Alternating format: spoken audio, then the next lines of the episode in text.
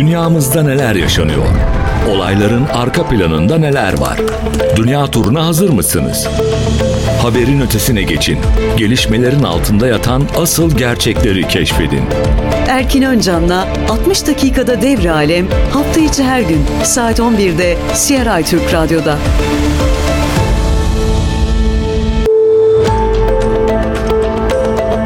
CRI Türk Radyo'dan herkese merhabalar. Ben Erkin Öncan. 60 dakikada devre alem başlıyor. Bugün yine geniş bir gündemle karşınızdayız. Sabit konularımızla başlıyoruz. Bunlardan ilki İsrail-Filistin çatışmaları. İsrail ordusunun Gazze şeridinin güneyine düzenlediği hava saldırılarında en az 27 Filistinliyi öldürdüğü belirtildi. Filistin resmi ajansı paylaştı bu bilgileri. Buna göre İsrail ordusu kuzeydeki bazı bölgeleri ve güneydeki Han Yunus'la refah kentlerine hava saldırıları düzenledi. Refah kentindeki Aşur ve Ebu Ziya ailelerinin evlerine düzenlediği saldırılarda en az 27 Filistinliyi öldürdü. Tabi İsrail 7 Ekim'de başlayan Aksa Tufanı operasyonundan e, bu yana saldırılarını sürdürüyor.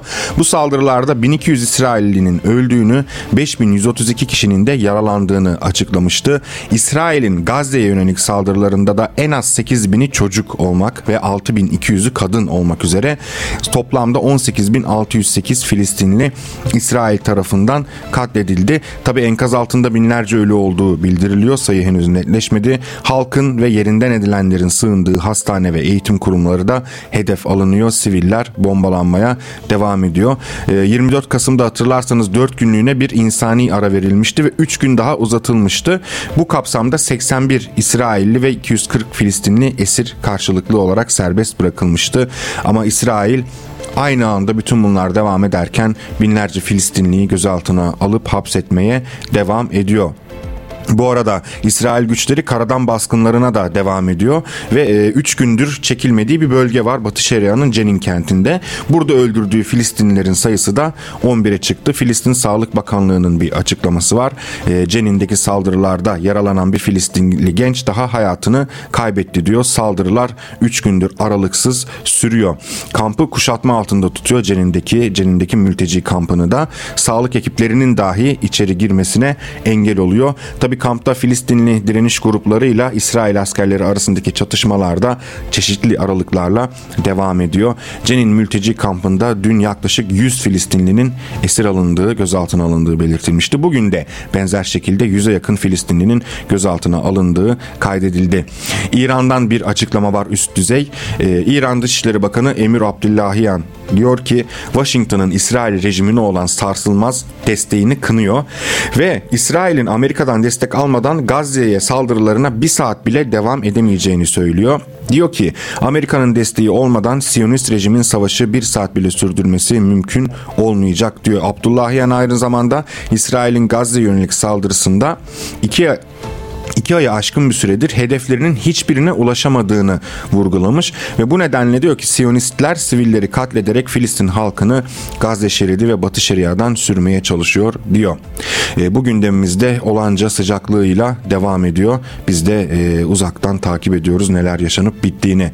Japonya'dan devam ediyoruz. Japonya'da yine bu programımızda defalarca anlattık bir siyasi skandallar e, serisi başladı ve bitmek bilmiyor. E, siyasi skandalların merkezinde içerisinde iktidardaki Liberal Demokrat Parti var. Liberal Demokrat Parti'yi şöyle tanıtmıştık. Dinleyicilerimiz hatırlayacaktır.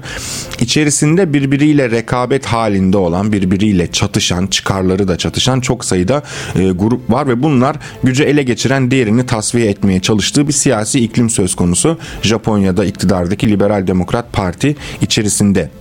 Daha önce de gelirlerini eksik beyan ettiklerinden ötürü bazı bakanların görevden alınacağı bilgisini de aktarmıştık programımızda. Son olarak bu şüphenin merkezindeki bakanlar kendileri istifa ettiler. Yani Shinzo Abe grubu olarak bilinen Seiwa fraksiyonuna mensup milletvekilleri ve bunlar parti bağış etkinliklerindeki gelirlerini eksik beyan ettiği iddiası e, Japonya'nın gündemine bomba gibi düşmüştü. E, Seiwa fraksiyonuna mensup e, 4 bakan da aynı zamanda aynı iddialarla eksik gelir beyan etme iddialarıyla istifa etti. Bu eksik gelirler meselesi şu bunlar çeşitli bağış etkinlikleri düzenliyorlar e, siyasi e, kapsamda düzenledikleri ve bu etkinlikler törenlerde bağışlar toplanıyor. Ama bu toplanan bağışların önemli bir kısmı ortaya çıkan bilgilere göre bildirilmiyor. Ortaya çıkan başka bir şey de bu bağışların kendilerine yakın ya da yakınlaştırmak istedikleri vekillere e, ve diğer siyasilere veya çeşitli güç odaklarına bunları rüşvet olarak verdikleri.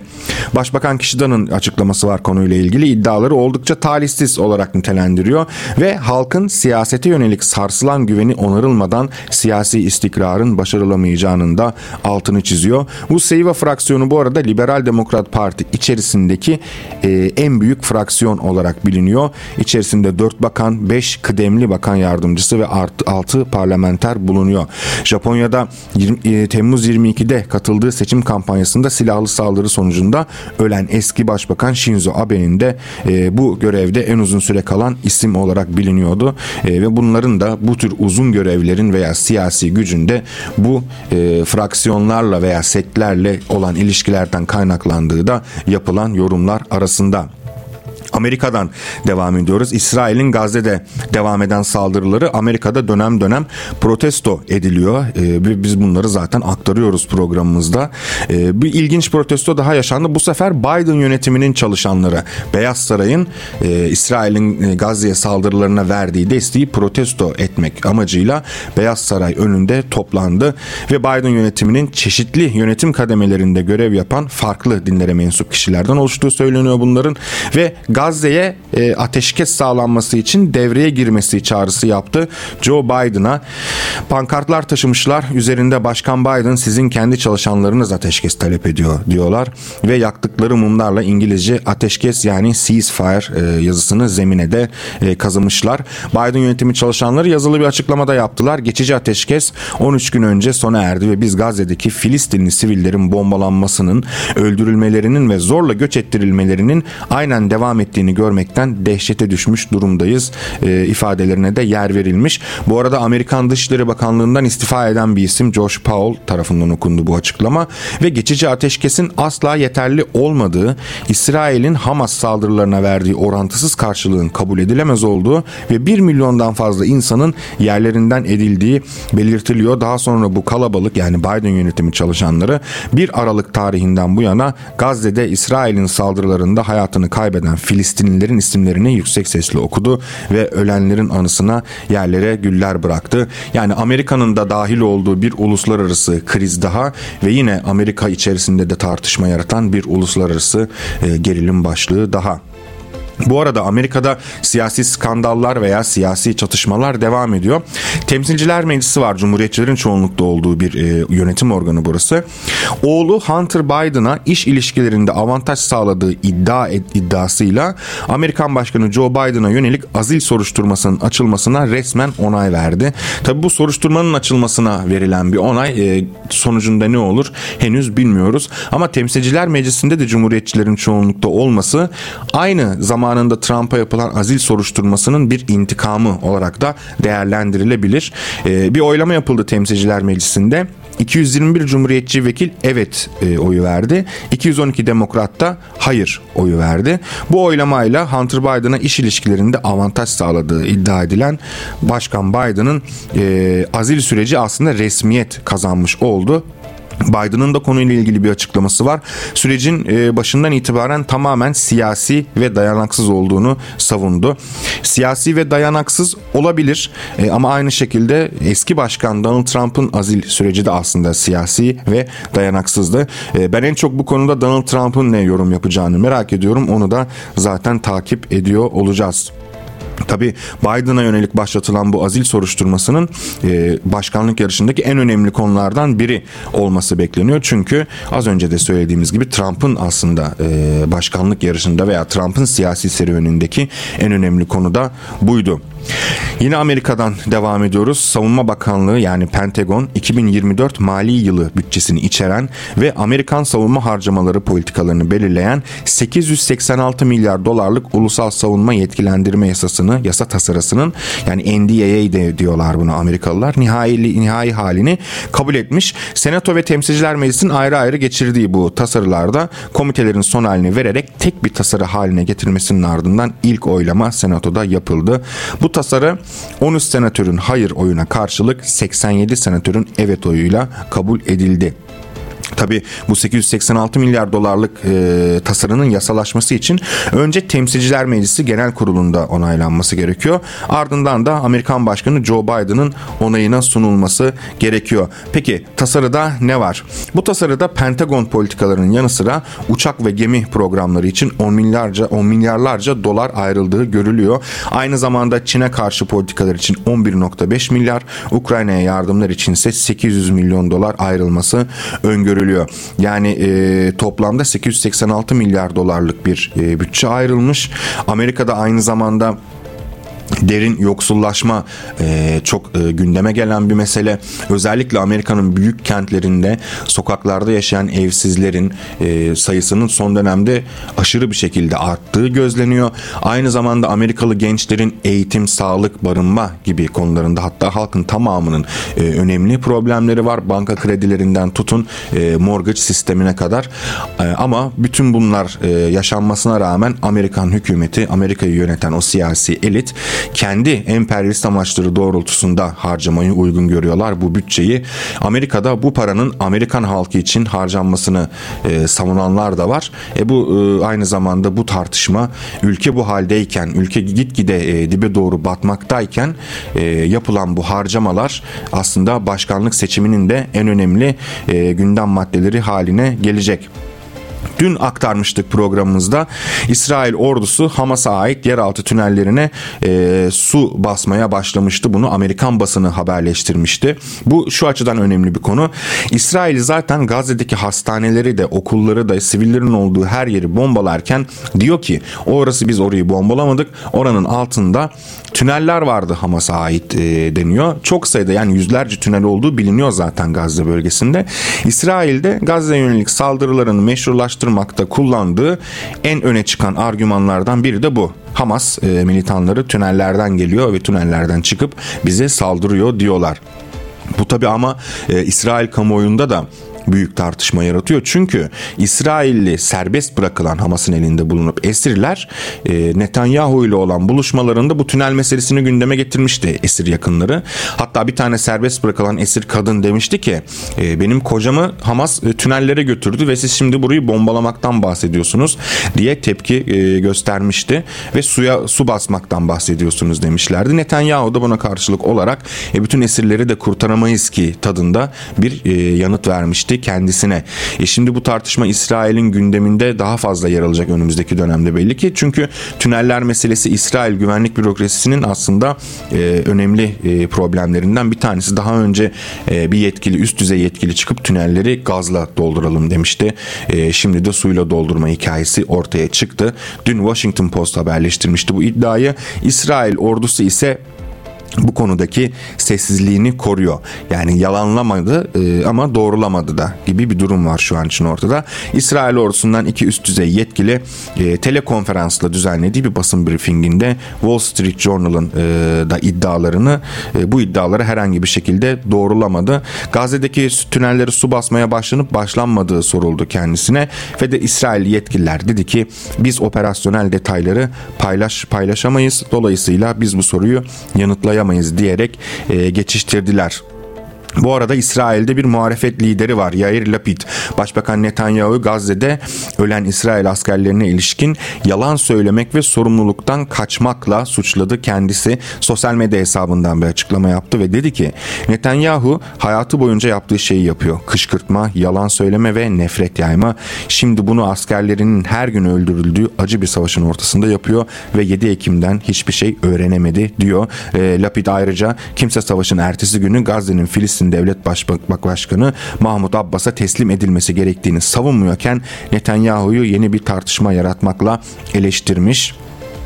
Diyor ki Lapid devam ediyor. İsrail askerleri Gazze'de öldürülürken Netanyahu'nun yeni bir anlaşmazlık konusu icat ederek Amerika Benny Gantz, e, Gadi Eisenkot ve kendisiyle ihtilafa düştüğünü belirtmiş.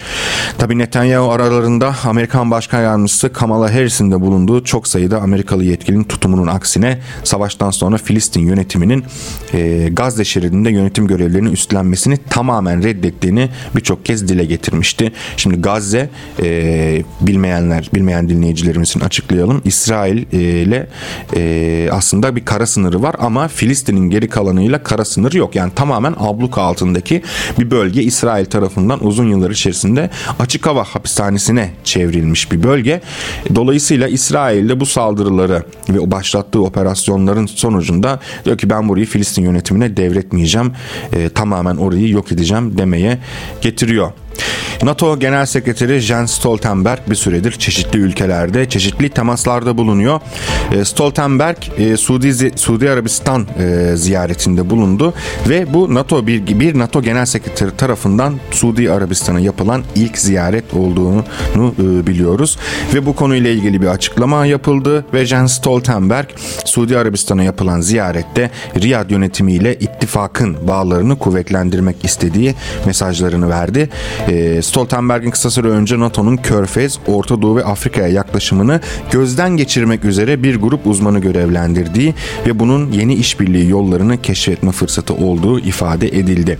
Yani Körfez, Orta Doğu ve Afrika'ya yaklaşımın gözden geçirmek üzere bir grup uzman görevlendirilmiş. E, tabii böyle e, daha resmi bir dille anlatınca gerçekten bir grup uzman görevlendirilmiş gibi oluyor ama burada bizim e, gördüğümüz asıl şey e, Körfez, Orta Doğu ve Afrika'da Rusya ve Çin'in nüfuz alanının genişlemesi ve NATO ittifakının buna karşı ne gibi bir önlem alabiliriz diyerek bir karşı hamle planlaması olarak okumak mümkün. Stoltenberg'in de temasları devam ediyor. Suudi Arabistan Silahlı Kuvvetleri Komuta ve Kurmay Koleji'nde bir panele katıldı ve e, Suudi Arabistan'ın Arap ve Müslüman dünyasındaki lider rolünün altını çizdi. Deniz güvenliği, altyapı koruması ve terörle mücadelenin yanı sıra inovasyon ve askeri eğitim konularında NATO ve Suudi Arabistan'ın daha fazla işbirliği yapabileceğini kaydetti ve İran'ın bölgedeki istikrarı istikrarı bozucu etkisine de işaret etti. Tabi Stoltenberg'in İran vurgusu e, İran'la Suudi Arabistan'ın son dönemde gelişme seyrine giren ilişkileri düşünüldüğünde e, çok da e, yankılanmamıştır ya da sınırlı bir etkiye sahip olmuştur diye düşünüyorum. E, Stoltenberg dün ayrıca Suudi Arabistan Dışişleri Bakan Yardımcısı Velid El Hureyci ile bir araya geldi ve yine bağları güçlendirme arzusunun altını çizdi. Aynı zamanda Körfez Araştırma Merkezi Başkanı Doktor Abdülaziz Sager'in ev sahipliği yaptığı bir toplantıda Ankara'da bir grup siyasetçi, düşünce kuruluşu uzmanı ve medya mensubuyla görüş alışverişinde bulundu. NATO sekreteri temaslarına devam ederken Amerikan Dışişleri Bakanı da temaslarına devam ediyor. Polonya Dışişleri Bakanı Radoslav Sikorski'yi göreve atanmasından ötürü tebrik etti. Polonya'da yeni bir iktidar var. Biz daha çok Avrupa Birliği'ne bağlanacağız. E, NATO'nun müttefiki, daha iyi bir müttefiki olacağız ve Ukrayna'ya ilişkin Batı'yı desteklemeye devam edeceğiz gibi açıklamaları olan bir iktidar geldi. E, Tabi Batı medyasında bu yeni iktidar değişimi otoriter liderlik sona erdi gibi e, sevinç naralarıyla karşılandı. Ama biz Polonya'nın daha fazla e, Batı politikalarına entegre olacağı ve Amerikan çıkarları için daha fazla çeşitli noktalara sürükleneceği bir e, dönemin kapısının aralandığını da görüyoruz aynı zamanda. E, Blinken Skorski'ye bakan olarak atanmasından ötürü tebrik ediyor ve iki ülke arasındaki ortaklığı ilerletme konusundaki güçlü kararlılığını da ifade ediyor. Tabi Polonya yetkililerinin açıklamaları Amerika'nın da dikkatini çekmiş. Blinken'da Polonya'nın Ukrayna halk Ukrayna'ya ve halkına devam eden yardımlarını, savunma ve nükleer enerji işbirliğini ve NATO ittifakına bağlılığını memnuniyetle karşıladığını bildiriyor.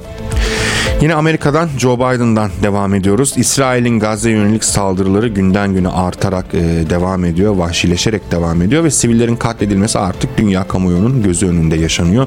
Bu öyle bir noktaya geldi ki artık Amerikan tarafı da e, tepki göstermeye başladı. Hatta Hamas e, liderlerinden biri dün yaptığı açıklamada biz Amerikan halkına, e, Amerikan yönetimine e, İsrail'in e, gerçek yüzünü göstermiş olduk gibi de böyle bir değerlendirmede bulunmuştu. Biden da yine konuyla ilgili bir konuşma yaptı. Siyasi bir bağış toplama etkinliğinde bağışçılarına seslendi ve Netanyahu'nun koalisyonunu İsrail'in tarihindeki en muhafazakar hükümet olarak tanımladı. İşlerini zorlaştırdığını ve ikili devletli çözüme yanaşmadıklarını ifade etti. Ve Netanyahu'yu bu tutumunu değiştirmeye çağırdı. Siyasi kariyeri boyunca mevcut savaş çabaları da dahil olmak üzere İsrail'in açık bir destekçisi aslında Amerikan başkanı. Ee, ama şimdiye kadar Netanyahu'ya kamuoyu önünde e, eleştirmekten, baskı yapmaktan büyük ölçüde kaçınmıştı. Konuyla ilgili Biden'ın konuşmasıyla ilgili Financial Times'a bir değerlendirme yaptı Amerikanlı Amerikan yetkili ve Beyaz Saray'ın Netanyahu'ya baskı yapmak için planladığı bir girişimin parçası olmadığını, hazırlıksız ve rastgele yapıldığını söyledi Biden'ın bu konuşmasının. E tabi İsrail'in tarihindeki en muhafazakar, en aşırı sağcı hükümet olduğu doğru Netanyahu'nun kurduğu koalisyonun ama yeni mi oldu bu? Hayır yeni olmadı ve e, Amerika artık İsrail yönetiminin de bölgede biraz e, tırnak içinde çizgiden çıktığını ve bir ayar verilmesi gerektiğini düşünüyor olabilir. E, Biden'ın kafasında bu varsa ve kendisinin yaşı da itibariyle bir planlı e, hareket olmaksızın ağzına gelince o etkinlikte söylemiş gibi bir durum var. Amerikan yetkililerinin açıklamalarına da göre.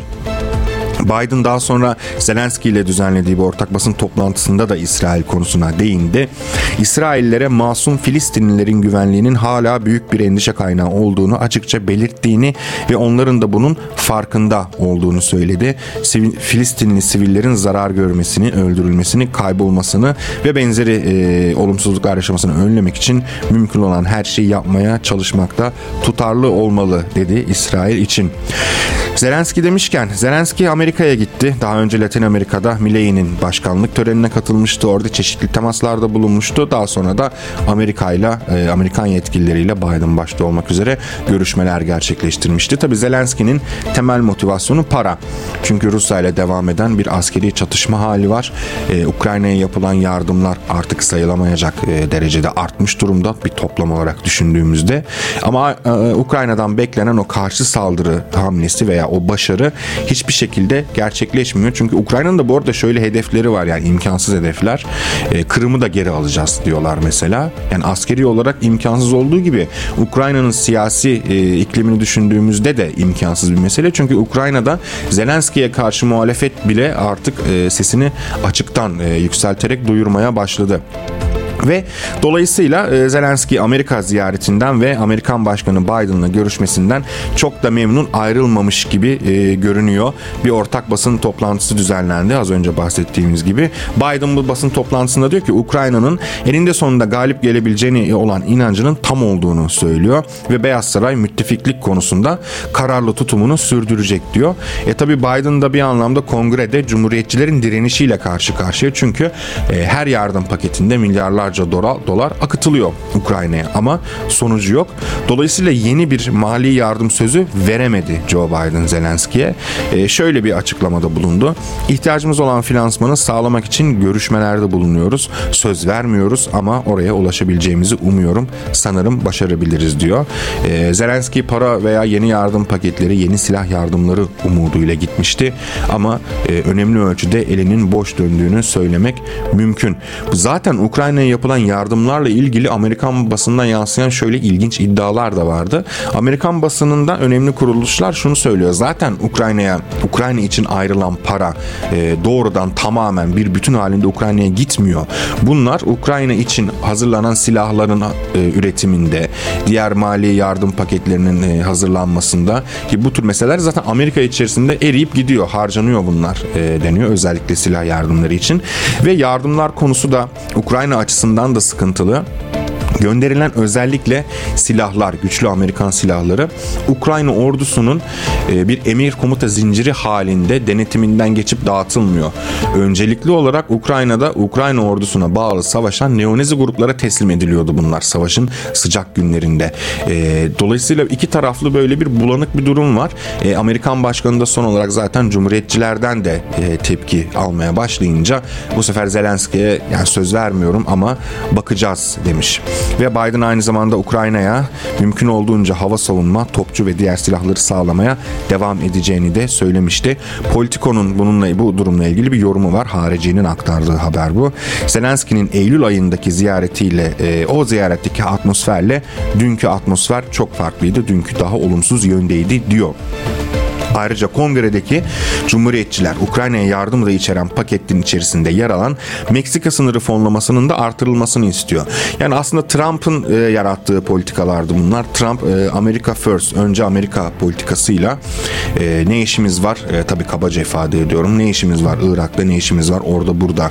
E, biz Asya Pasifik'e, Çin'e yönelmeliyiz. Onun dışında da Amerika First yani önce Amerika diyerek kendi ekonomimizi güçlendirmeliyiz. Sınırlara duvarlar örmeliyiz e, gibi vaatlerle aslında Amerika'daki daha düşük gelir düzeyine sahip orta e, sınıf Amerikalılar başta olmak üzere çok geniş bir destek kazanmıştı.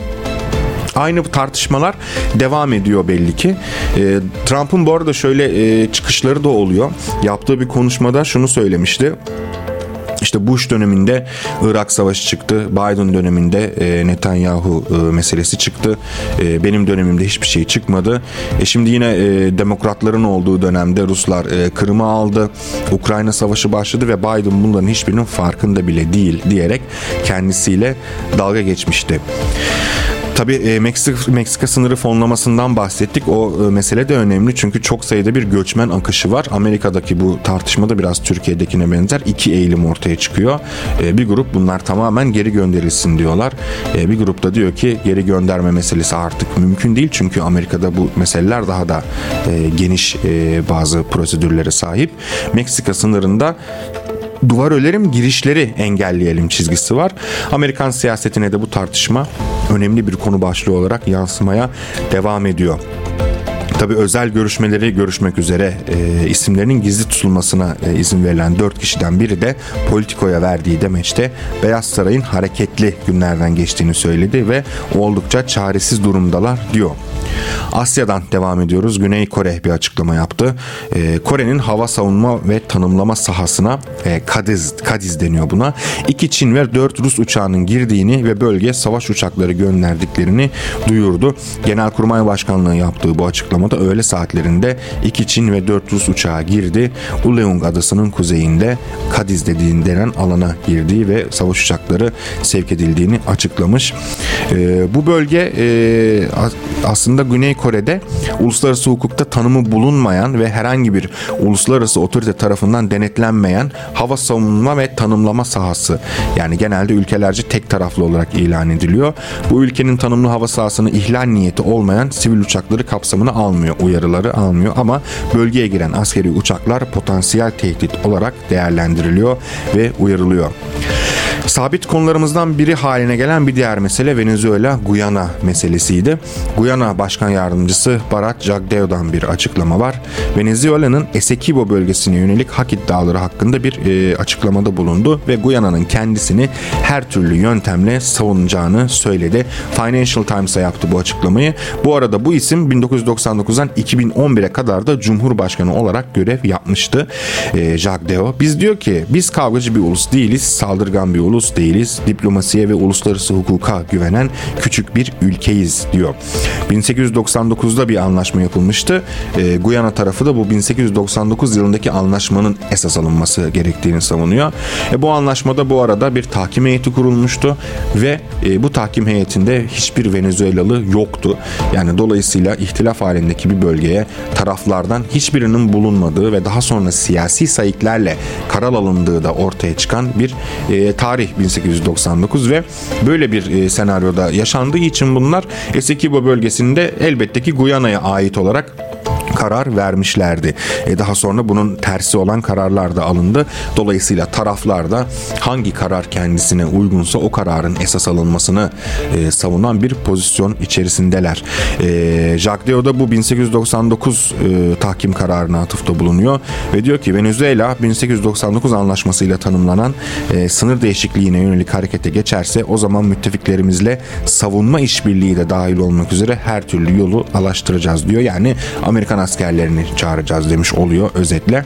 Bu arada başkan yardımcısı Guyana savunma gücünün e, Venezuela'nın savunma silahlı kuvvetlerinin yanında gölgede kaldığını da itiraf etmiş. Guyana'nın sadece 4070 aktif personeli var. Venezuela'nın 351 bin kişilik ordusu var. Tabii ki hani e, karşılaştırma yapılmayacak ölçüde bir dengesizlik var. E, Jacques Diop da diyor ki işte tam bu nedenle Amerika'da dahil olmak üzere müttefiklerimizle daha güçlü bir savunma işbirliği arayışı içerisindeyiz diyor. Tabi bu işbirliğinin nasıl şekilleneceğini, nasıl uygulanacağına ilişkinde e, ayrıntı vermiyor.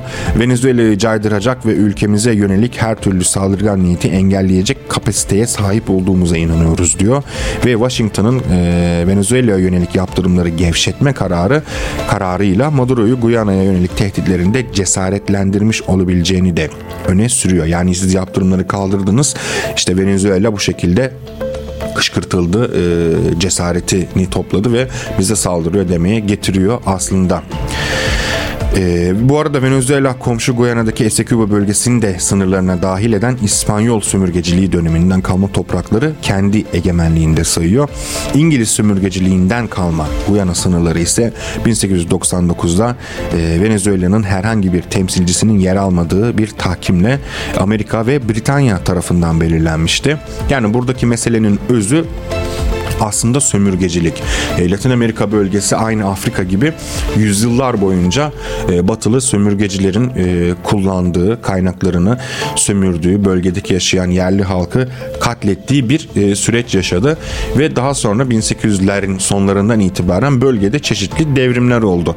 Venezuela'daki Bolivar liderliğinde yaşanan ulusal devrim de bunlardan biriydi. Bolivar liderliğinde Venezuela halkı bağımsızlığını ilan etti. O dönem zaten o dönemlerde dayanıyor bu Essequibo meselesi de. Essequibo da bugün e, Guyana ve e, Venezuela arasında küçük bir bölge. Coğrafi olarak büyük ama nüfus olarak çok küçük. Esas meselesi de bölgenin yeraltı kaynaklarının ve e, bölgenin deniz e, suları alanında çok önemli miktarda petrol rezervleri keşfedilmesi olmuştu. E, öyle ki Essequibo bölgesinde keşfedilen rezervler Guyana'yı Birleşik Arap Emirlikleri ve Kuveyt'ten daha fazla, daha üzerine çıkıyor rezerv miktarı konusunda. E, bu rezervler ne zaman, nasıl keşfedilmişti? 2010'lu yıllarda Amerikan petrol devleri tarafından keşfedilmişti. Exxon Mobil başta olmak üzere. E, konunun Venezuela ile bir alakası daha var. O da şu ki e, Venezuela'da Maduro'dan önce Chavez yönetimi Exxon Mobil'in ve diğer petrol devlerinin ülkedeki varlıklarını e, kamulaştırmıştı. El koymuştu. Yani buradaki özelleştirme hamlelerine son verecek adımlar yapmıştı. Dolayısıyla paralel olarak böyle bir e, mesele var bu iki ülke arasında. Petrol devleri ve Amerika ve emperyalist güçler açısından düşündüğümüzde de bölgedeki petrol alanlarının Venezuela'dansa Guyana'da kalması e, çok çok daha iyi petrol devleri ve büyük ülkeler için. Çünkü bu ülkeler Guyana'yı az önce tarif ettik çok küçük ve güçsüz bir ülke ve bağımlı bir ülke e, batıya. E, İngilizce resmi dili olan Latin Amerika'daki tek ülke İngiliz Milletler Topluluğu'na da yani tam bir hala aslında bir sömürge ülkesi sayılabilir.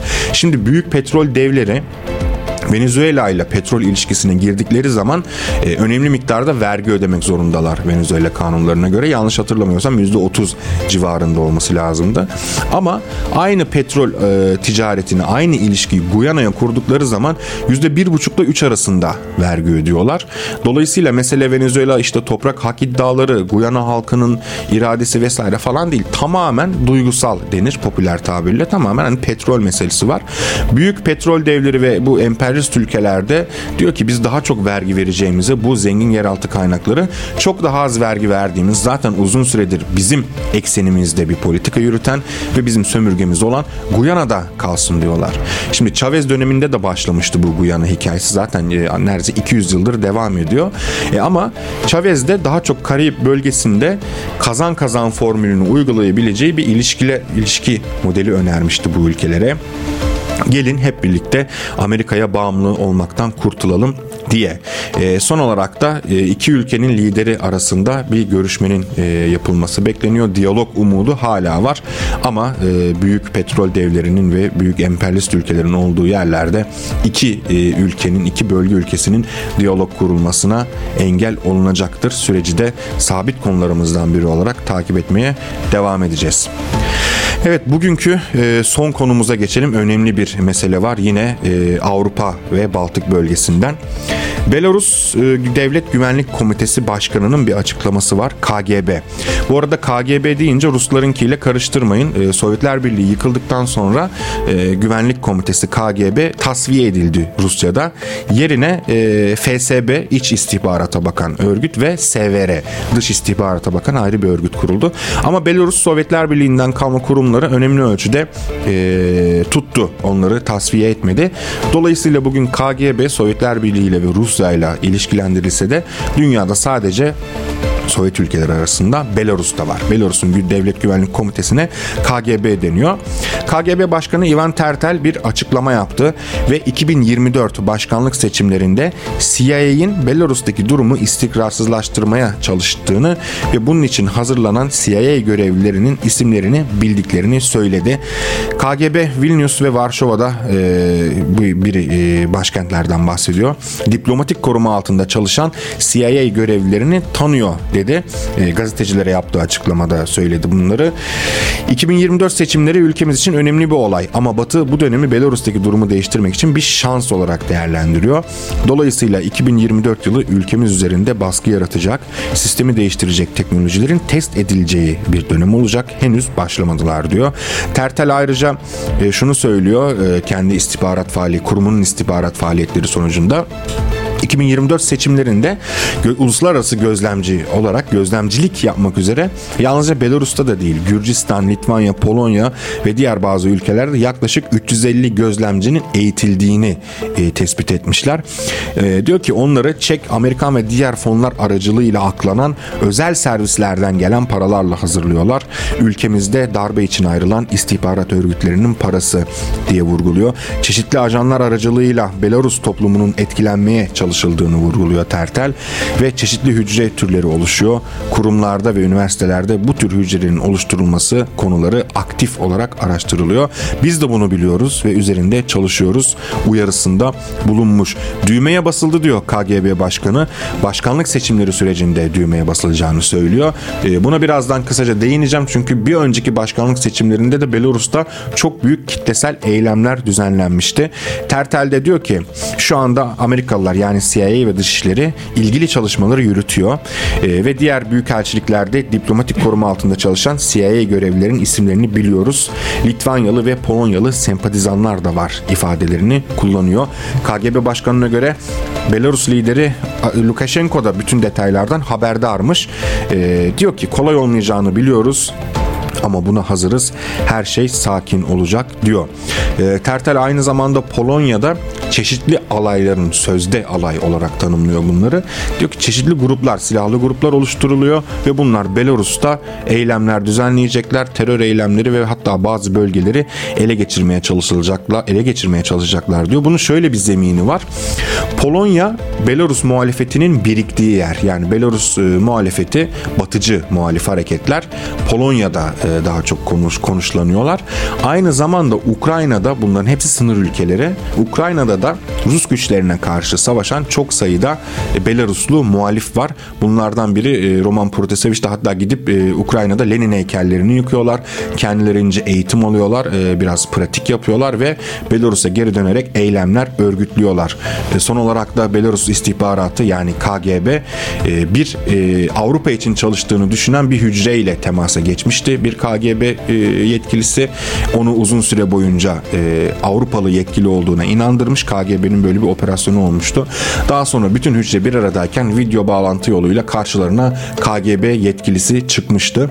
Bu tür e, istihbarat savaşları son dönemde artmaya başladı. Belarus'ta 2022-2021 hattında çok büyük eylemler düzenlenmişti. O dönemde bir başkanlık seçimleri vardı. Bu eylemler hem başkanlık seçimleri öncesinde hem de sonrasında düzenlenmişti. Devlet Başkanı Alexander Lukashenko'ya karşı kitlesel protestolar düzenlenmişti. E, Maydan darbesi yaşanmıştı Ukrayna'da 2014 yılında. Ona benzer bir hatta ilerletmeye çalıştılar. E, güvenlik güçleriyle eylemciler arasında sert çatışmalar yaşanmıştı. E, şimdi bu tür e, kitlesel protestolar, polis müdahaleleri, gözaltılar e, genelde dünyanın genelindeki insanlar tarafından tarafından daha çok protestoculara sempatiyle bakılan e, bir e, algı yaratılıyor. Ama şöyle örnekler vereyim size. Belarus protestolarında eylemcilerin öne çıkan bazı talepleri vardı. Neydi bu öne çıkan talepler? E, bunlardan en önemlisi Avrupa Birliği ile entegrasyonun sağlanmasıydı. Eylemcilerin taleplerinden biri özelleştirme yapılmasıydı. Çünkü Belarus'ta özelleştirmeler büyük oranda kısıtlı planlı ekonomiyle ilerlemeye çalışıyorlar. Eylemciler de özelleştirmeler başlatılsın diye eylemler yapılıyordu. Eylemcilerin öne çıkan bir diğer talebi de yabancılara toprak satışının yasallaştırmasıydı. Yani hani ülkeyle ilgili bir probleminiz var ama talebiniz yabancılara toprak satışının yasaklanması. Şimdi buradaki mesele zaten e, Polonya'da merkez alan e, çeşitli e, Amerikalı sivil toplum kuruluşlarıyla da ilişkili olan eylemlerdi. E şimdi KGB de diyor ki bu eylemler 2024'te yeni bir başkanlık başkanlık seçimleri olacak ve bu eylemleri yeniden planlıyorlar. Hem CIA görevlilerinin ismini biliyoruz bununla ilgili çalışan hem de Polonya'da oluşturulan hücrelerin farkındayız. E, bütün önlemlerimizi aldık. Her şey sakin geçecek diyorlar. Dolayısıyla bu yılda aslında 2023'ü de yavaş yavaş geride bırakıyoruz. 2024'te şimdiden söylemek mümkün ki hem Ukrayna gündeminde önemli değişikliklerle karşılaşacağız. E, çünkü artık Ukrayna'nın e, bir anlamda benzini gerçekten bitiyor. Ne olacağı hiç belli değil.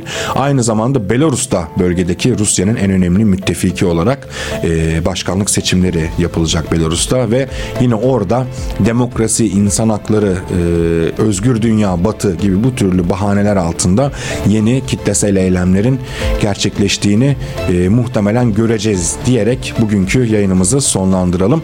Evet bugünkü dünya turumuz sona erdi. Yarın yine aynı saatte dünyada neler olmuş neler bitmiş üzerinden geçeceğiz yorumlamaya devam edeceğiz. Hoşçakalın kendinize iyi bakın. İyi müzik